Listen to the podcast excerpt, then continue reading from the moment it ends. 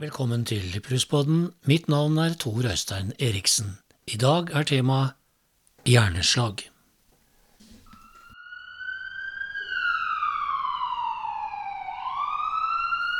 Det er formiddag den 18. mai i år. Ambulansen kjører ut fra en villa på Konnerud i Drammen. Pasienten om bord er en fotballegende. Tilstand er kritisk. Spørsmålet er om han overlever. Han burde for lengst ha vært på sykehus. Han har hatt hjerneslag.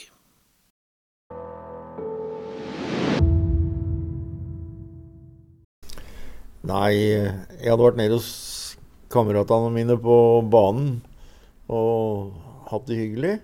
Så tok jeg bilen hjem, handla på veien, og så da jeg skulle eh, inn med varene, da, så gikk jeg inn på datarommet mitt og fant fram datamaskinen. Og så når jeg skulle sette meg ned, så husker jeg ikke mer. Ja! Du verden, der var Pressberg. Der var Pressberg. Og det er 2-0. Det er 2-0. 26 minutter. 26 minutter. 2-0. Torodd. Pressberg. Steinar kastet altså ballen, Steinar Pettersen, meget, meget langt. Gikk til broder Engards hode, og så til Pressberg, som fra halvannen meters hold dundret ballen helt opp under tverrliggeren. Torodd Pressberg er en legende i Drammen og for Strømsgodset. Hans fotballkarriere begynte i Dravn. 234 kamper for godset, han skåret 125 mål, og spilte fire kamper på landslaget. Men han rakk mer enn det, han var bandyspiller og internasjonal fotballdommer, det nærmeste du kommer en idrettslegende. 18. mai i år er et vendepunkt for 76 år gamle Torodd. Han får blodpropp i hjernen.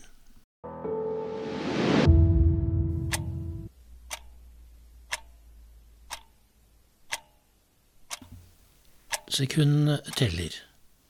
Håkon Tobro er forsker og overlege ved slagenheten ved Sykehuset Telemark.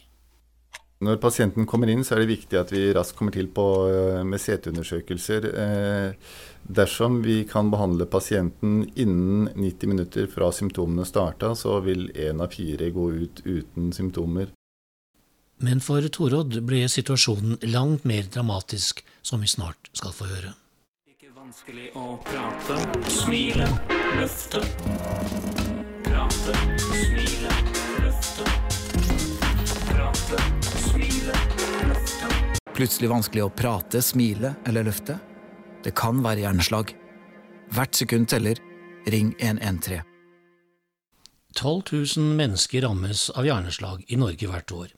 I de aller fleste tilfellene skyldes hjerneslag en blodpropp, vil si at en blodåre i hjernen tettes igjen av en levret blodklump.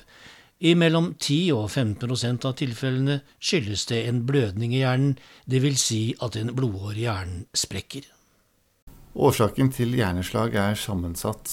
Eh, Vi har en rekke risikofaktorer, eh, som f.eks.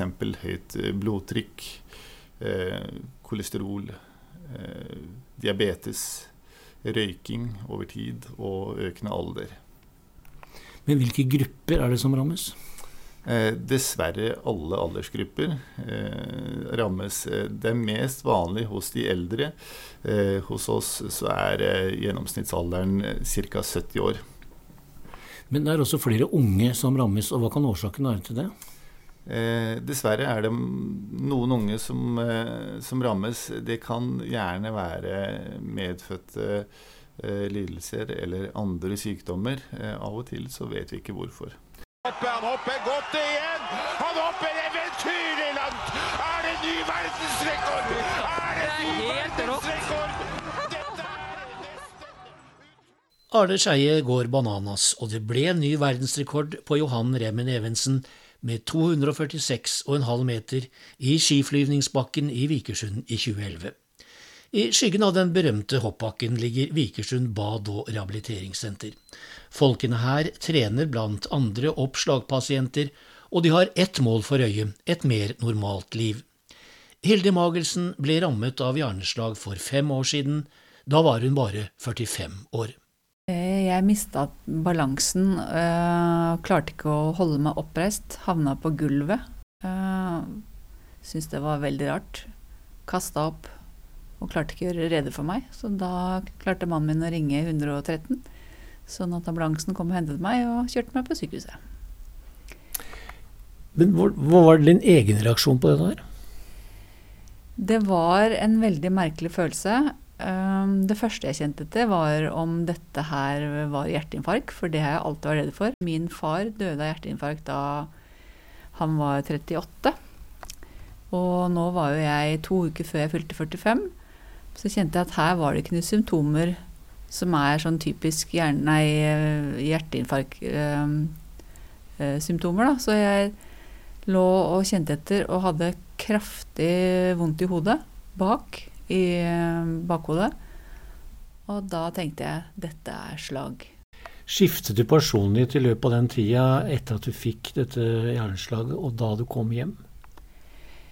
Ja, jeg har jo egentlig gjort det ut For det er jo det som er litt av utfordringen, at man merker det ikke selv. Eh, når du blir sliten og batteriene ikke er som de pleier, så skjønner du ikke sjøl at du faktisk er litt annerledes, for du merker det ikke på en måte selv. Eh, at du snakker litt annerledes, bruker, eh, ikke finner ord, eh, stokker litt på setninger. Eh, skjønner ikke hva som blir sagt og fortalt deg, for du tolker det på din måte, og du skjønner jo ikke at det ikke er sånn som du tolka det før. Hvordan reagerte familien? Eh, de syntes det var veldig skremmende. Jeg kjente jo på kroppen min selv hva det var, så jeg var aldri redd. Jeg kjente aldri på at nå var redd for å dø eller noe. Mens familien min som hjerneslag, man kan jo ikke så mye om det i, i rundt på den alderen jeg var. Jeg var jo 45. Så noe Vi hadde jo ikke noe kunnskap om hjerneslag. Så det var skremmende for mann og barn. Har jeg lært senere at de var redd for at jeg skulle få hjerneslag på nytt. Av reaksjoner de hadde på meg. Så det ble jeg overraska over, for jeg har aldri vært redd for å få hjerneslag på nytt selv. Skifta du atferd på noen måte? Ja, før jeg skjønte mm, mine egne begrensninger, så brukte jeg for mye Det går faktisk an å bruke opp energien din. Og da kan du påføre deg selv noe som heter fatigue. At du er unormalt sliten, og det hjelper ikke å sove. ehm, Du tåler ingenting. Da, når du da egentlig da går tom for, ehm, for energi, så har du ingen lunte. Eh, sånn at eh, du går rundt og fyrer deg opp på småting. For du har ikke noe å gå på. Nevn noen eksempler, da. Ja, eh, for det første så kunne sønnen min si 'Mamma, hvorfor er du alltid så sur?' Så sa jeg 'Jeg er ikke sur, jeg er bare sliten'. Og på den verste dagen, faktisk, hva klarte jeg For sønnen min var 17. Dette her var en og en halv måned før han fylte 18. Så klarte jeg å kaste han ut hjemmefra. Og når jeg er sliten, så bruker jeg veldig mye banneord. Da har jeg dårlig ordforråd, så blir det stygge ord isteden. Så jeg ba jo han flytte. Stakkar. Eh, og jeg gikk opp i senga og gråt, for da tenkte jeg hva skjedde nå?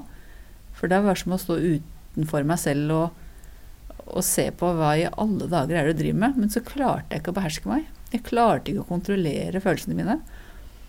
Går opp i senga og gråter. Og så går det en liten stund, så ringer mannen min og sier i alle dager, hva er det du holder på på? Har du kasta ut uh, Alexander? Han sier han har pakka kofferten og han skal flytte til broren sin. Han ble henta om en halvtime før de skal på middag til mutter'n. Og kan du sende han inn på soverommet igjen, sier jeg da. Hvor han, på, hvor han kommer inn og er jo lei seg, og så syns han det er helt forferdelig å se at jeg ligger og gråter og ikke er helt meg selv. Og så sier jeg unnskyld, det var jo ikke meningen.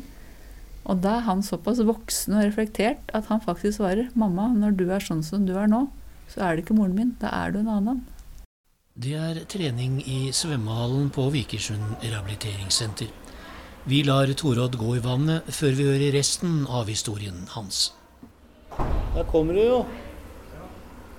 Er du klar til å gå i vannet? Du må være forsiktig så ikke du detter.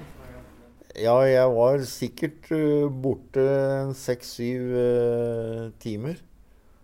Og så, mm, da jeg våkna, så huska jeg at jeg hadde lagt mobiltelefonen min på kjøkkenet. Så prøvde jeg da å komme dit. Og det holdt jeg på med i nesten to døgn. Du kom ikke opp fra gulvet? Nei da, jeg var helt lam i den eh, venstre sida. Beinet fungerte ikke. Armen fungerte ikke. Men jeg var klar i huet, og jeg kunne prate. Men mobilen din fikk du ikke tak i? Det var to meter unna etter ca. to døgn. Og da kom eh, barna mine fordi de eh, fikk ikke tak i meg. Og hva, hva, hva, gjorde de? Altså jeg ropte at det var et vindu som eh, sto mer eller mindre åpent på soverommet. Og så kom sønnen min inn der. Og da var det full fart på telefonen og ringe til sykehuset. Og så kom ambulansen og henta meg. Og hva skjedde på sykehuset? Det er jeg egentlig ikke så veldig klar over, for der var jeg mer eller mindre borte hele tida. Så de to-tre første døgna jeg var der, husker jeg ikke noe. Felles for alle slagpasienter er at hjernen blir avfotografert, og for Torodd ble det konstatert blodpropp. Ja, de fortalte søstera mi og og dattera mi at jeg hadde fått eh, et hjerneslag. Og legen han hadde sagt det at eh, han trodde ikke jeg kom til å gå igjen.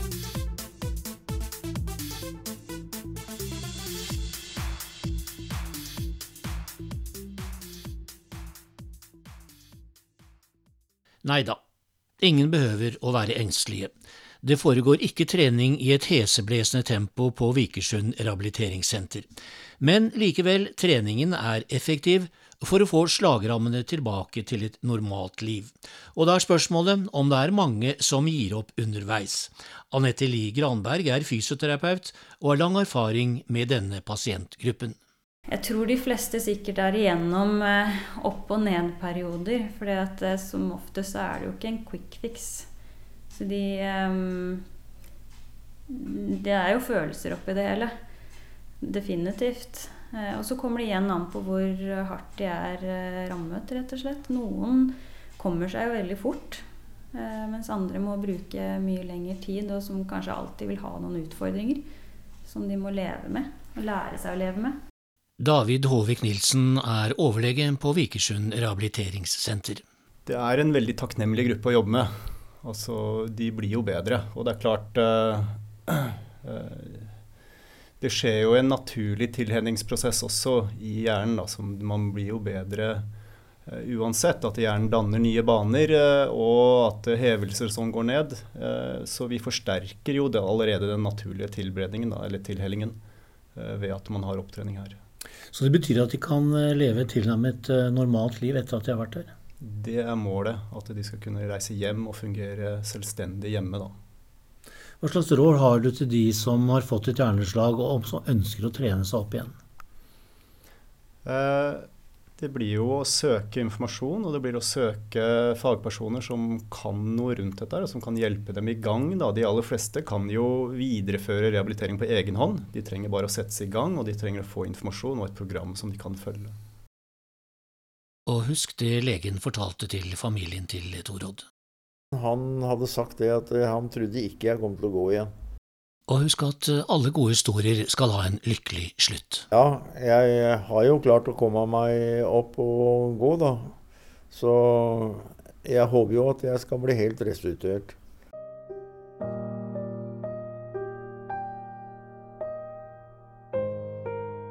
jeg føler liksom sånn at dagen eh, når du våkner og sånn, så er jeg glad for det at jeg lever. Og jeg ser framover hver time, da, for ut fra det jeg har vært imellom, så kan det jo skje bare sånn at du slår av bryteren, så er det slutt.